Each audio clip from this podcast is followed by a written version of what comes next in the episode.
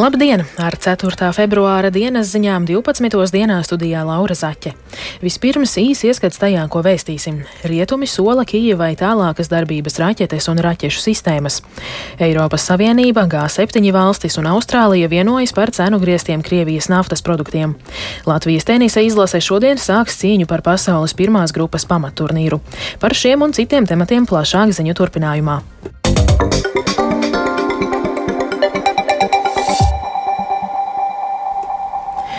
Rietumu sabiedrotie apsolījuši Ukrainai tālākas darbības raķetes un raķešu sistēmas.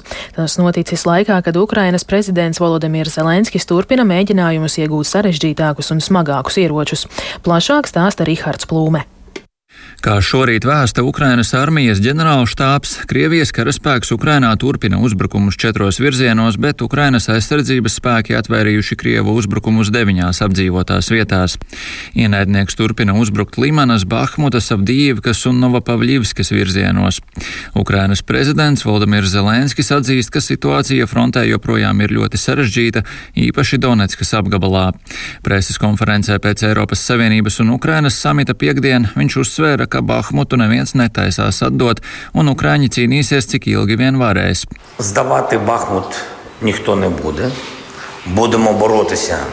Скільки можемо. Neviens Bahmutu neatdos. Mēs cīnīsimies tik ilgi, cik varēsim. Mēs uzskatām Bahmutu par savu cietoksni. Mēs uzskatām savus varoņus, kas krituši, par saviem varoņiem. Ja tiks pātrinātas ieroču piegādes, proti tāla darbības rādījusie ieroči, Ukraiņi ne tikai neatkāpsies no Bahmutas, bet arī sāks deokupēt Donbasu. Mēs pačnēmu deokupēt Donbasu.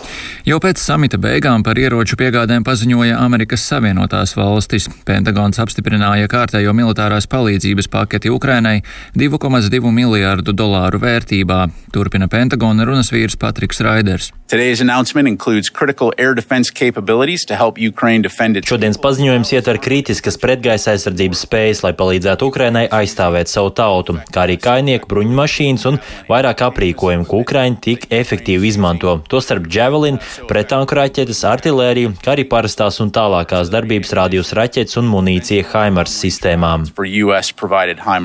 Ukraina pirmo reizi saņems augstas precizitātes raķetes, kas spēj trāpīt mērķiem 150 km attālumā. Līdz šim ASV Ukrainai piegādājušas raķetes, kas spēj sasniegt mērķus tikai 80 km attālumā. Tādējādi šīs augstās precizitātes raķetes var apdraudēt galvenās Krievijas apgādes līnijas, ieroču noliktavas un gaisa bāzes, kas atrodas tālu aiz frontes līnijām. Tas potenciāli dod Kijevas spēkiem iespēju dot triecienu jebkur Krievijas okupētajā Donbasas, Aporīžas un Hersonas apgabalā, kā arī okupētās Krīmas ziemeļu daļā. Tiesa šo raķešu piegāde, līgumu slēgšanas, ražošanas un piegādes termiņu dēļ visticamāk nenotiks vēl vairākus mēnešus. Francija un Itālija tikmēr paziņojušas, ka piegādās Ukrainai mobilās zeme gaisa raķešu sistēmas. Piegāde varētu notikt pavasarī. Par to paziņoja Francijas aizsardzības ministrija, atbildot uz Kīvas steidzamo lūgumu palīdzēt aizsargāt civiliedzīvotājus un infrastruktūru no Krievijas gaisa uzbrukumiem. Raķešu sistēma ar nosaukumu Mamba ir līdzvērtīga amerikāņu patriotu sistēmai, un tā palīdzēs Ukrainai aizsargāties pret ballistiskajām raķetēm. Rihards Plome, Latvijas radio. Eiropas Savienība, G7 valstis un Austrālija vienojušās par cenas griestiem Krievijas naftas produktiem. Cenas griesti ir 100 dolāri par barelu dārgākiem naftas produktiem, piemēram, dīzelim, un 45 dolāri par barelu zemākas kvalitātes produktiem, tādiem kā mazuts. Cenas griesti noteikti, lai samazinātu Krievijas ienākumus, kas te ļauj turpināt kāru pret Ukrainu. Tie stāsies spēkā rītdien.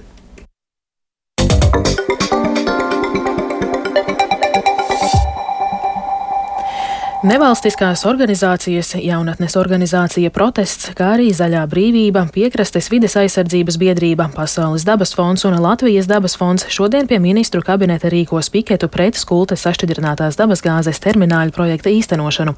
Organizācijas lūdz enerģētikas ministru Raimondu Čudaru no jaunās vienotības un premjerministru Krišjāni Kariņu atkārtot izvērtēt nepieciešamību pēc jauna termināļa, apšaubot tā ekonomisko pamatojumu. Par piketu stāsta piekrastes vides aizsardzības Sabiedrības biedrības pārstāve Mārta Timrota. Tā visticamāk nebūs tāda tradicionāla protesta akcija ar garām un garlaicīgām runām, bet paredzēts tāds interaktīvs, interaktīva iespēja ikvienam klātsošiem piedalīties ar to savu neskaidrību un jautājumu To redzēsim uz vietas. Ir skaidrs, ka tas noteikti nebūs tāds agresīvs protesta pasākums, bet drīzāk miermīlīga mūsu, teiksim tā, nostājas paušana. Mēs vēlamies aktualizēt šo jautājumu, kā jau mūsu mērķis ir, ir nodefinēts, ja mēs vēlamies apturēt šī likuma tālāku īstenošanu, jo ir pārāk daudz neskaidrību. No 2024. gada valsts aizsardzības mācību priekšmets būs obligāts visām izglītības iestādēm, bet Jaunsardzes centrs aicina skolas ieviest priekšmetu jau agrāk. Par to, kā valsts aizsardzības mācību vērtē Jaunsardzes centrs un skolēni, kuriem priekšmets jau bijis, plašāk Agnijas Lazdiņas ierakstā. Jā! Sadarbībā ar Jaunsardzes centru šobrīd valsts aizsardzības mācību īsteno 147 izglītības iestādes visā Latvijā. Apmācības notiek divus mācību gadus, un kopumā tās ir deviņas mācību dienas, jeb viena reize mēnesī. Jūrmālas pumpuru vidusskolā valsts aizsardzības mācība ir jau ceturto gadu. To izvēlas lielākā daļa. Tostarp 12. klases skolēns Georgijs. Skatoties uz esošo situāciju pasaulē, es arī gribu just sevī spēku, ka es māku dažas šīs lietas praktiski, Valsts aizsardzības mācībā ir gan teorētiskā, gan praktiskā daļa. Notiek ierindas apmācība, māca arī pirmo palīdzību, rādio sakarus, kā nolasīt kartes, mērogus, orientēties dabā, rīkoties ar ieročiem un daudz ko citu. Kā vienu no galvenajiem ieguvumiem Georgijs nosauca spēju rīkoties ārkārtas situācijās. Lielākoties valsts aizsardzības mācību izvēlās jaunsargi, lai ne tikai atsveidzinātu, bet arī papildinātu savas iemaņas. Georgija klases biedrene Kate jaunsardzē piedalās jau vairākus gadus. Mācībā iegūtās zināšanas un pieredze noteikti palīdzēs jauniešiem ar valsts aizsardzības dienestu.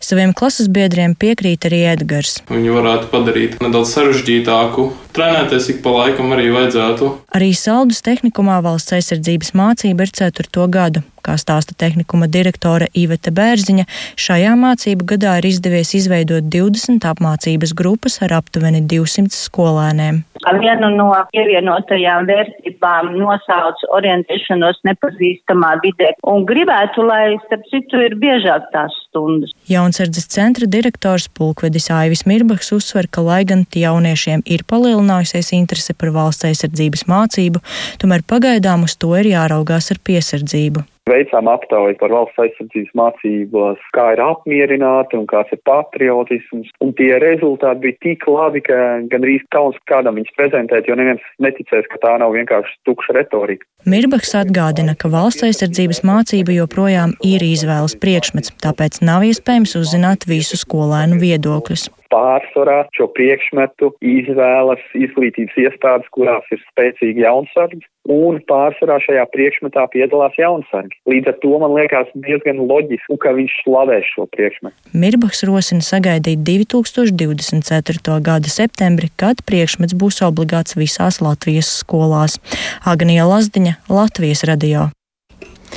Pēc divu gadu pandēmijas pauzes šajā nedēļas nogalē Ķīpselas hallē atkal notiek starptautiskā turisma izstāde un gada tirgus Baltūra, kurā tradicionāli piedalās turisma nozares ļaudis no visiem Latvijas novadiem. Kādas ir viņu jaunās ieceres un izstādes atmosfēra, klausieties Ievas puķes reportāžā. Zandarti bija kur Ludzā? Jā, Ludzas ezers, jā. Daudz zandarti? Daudz zandarti. Kaut vai kilogramiem. Jūs dzirdējāt Ludzas turisma informācijas centra vadītājas Līgas Konrātes un apmeklētāja sarunu izstādē Baltūra Rīgā. Lai gan izstādes stendi šogad taupīgi salikt tikai vienā zālē, tomēr rosība ap tiem ir liela un turistu interese par iekšzemes ceļojumiem arī.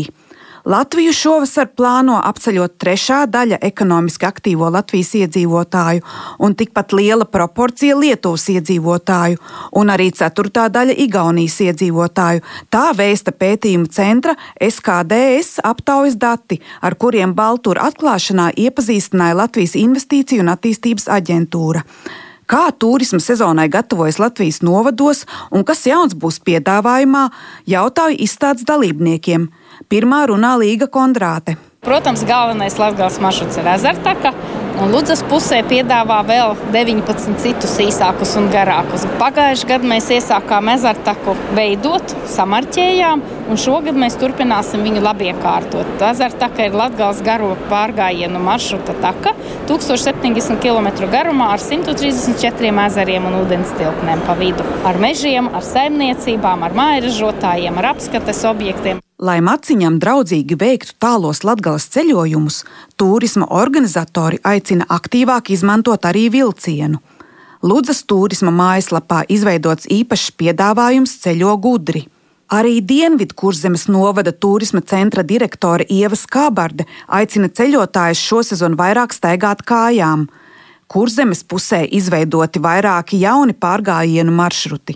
Piemēram, pārgājiens aizputē, ko rīko ļoti interesanti uzņēmēji, kas saucās Meža dārza dizains, un viņi audzē mēbeles. Viņi audzē mēbeles posmā, kas ir no aizputes līdz liepājai, ir eh, šoseja. Mazliet tur tādā posmiņā pa vidiņu gandrīz audzē mēbeles, no kārkliem izveido lampas, krēslus un lapenes dažādas. Bet netālu no Turēdas pils, kas, protams, ir Latvijas turisma klasika, 1. maijā durvis vērs māla kleķa tehnikā būvēta vēsturiska vēsturiska ēka ar patriotisku ekspozīciju, kāda pēc Turaidas muzeja rezervāta izglītojošā darba vadītājas Guntas Zaķītas vārdiem Latvijā ir vienīgā. Mums ir ekspozīcija, kas saucās Ceļā uz Latvijas valsti Klaušnieks saimnieks pilsonis. Tā ir īstā vieta, kur mums visiem iet ar saviem bērniem, mazbērniem, ar saviem draugiem, vecākiem, lai redzētu, un tas ir ļoti svarīgi īpaši šajā laikā, lai redzētu, kas ir mūsu valsts, kā viņa ir tapusi, kas ir latviešu nācija, kā viņa ir veidojusies un kāds kāds milzīgs darbs ir bijis ieguldīts, kā cilvēki no klaušiniekiem 19. gadsimta sākumā kļuva par savas sētas saimniekiem, sava pagasta večiem. Izstāde Baltūra 2023 vēl turpināsies līdz pieciem svētdienas vakarā. Tur arī daudzus citus novadu stāstus varat klausīties klātienē. Ieva Puķa, Latvijas radio.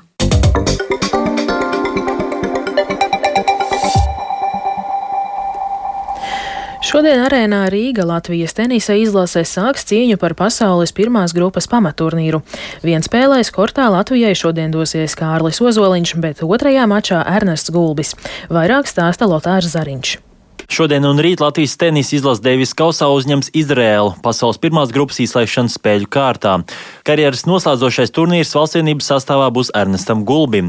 Šodien paredzēts viens spēles. Vakar izlozē noskaidrojies, ka pirmais kortā dosies Kārlis Ozoliņš pret Ēdenu Lešemu, bet otrajā mačā Ernestam Gulbim pretī stāsies Daniels Cukiermans. Šobrīd paredzēts, ka dubultspēle kopā ar Gulbi aizvadīs Roberts Štrombachs, taču komandas sastāvs svētdienas mačiem vēl var mainīties, ņemot vērā rezultātu.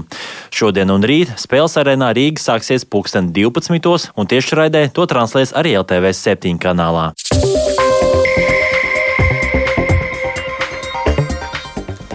Ar to izskan 4. februāra dienas ziņas. Producente Vija Bremse ierakstus montēja Renāša Steimanis, pieskaņu pults Kārlis Rašmanis, bet studijā Laura Zaķe.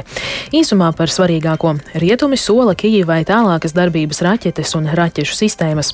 Eiropas Savienība, G7 valstis un Austrālija vienojas par cenu griestiem Krievijas naftas produktiem.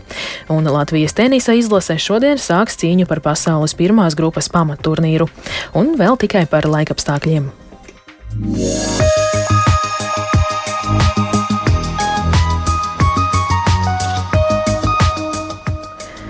Gaisa temperatūra Rīgā šobrīd ir mīnus 2 grādi un pūša ziemeļaustrumu vējš 5 m2. Atmosfēras spiediens 773 mm, relatīvais gaisa mitrums 86%. Latvijā šodien būs mākoņains, brīžiem skaidrosies. Vietām turpinās snikt un rietumu un centrālajos rajonos sniks stipri. Ceļi būs slideni un redzamība snikšanas laikā pasliktināta. Pūtīs ziemeļu ziemeļaustrumu vējš līdz 9 m2, piekrastē brāzmās līdz 15 m2. Gaisa temperatūra no mīnus 4 līdz mīnus 1 grādam. Arī Rīgā būs mākoņains un pa laikam sniegs. Brauktuves un ietves būs slidenas. Pūtīs ziemeļu, ziemeļaustrumu vējš līdz 9 m2, brāzmās līdz 15 m2. Gaisa temperatūra - mīnus 2, mīnus 1 grāds.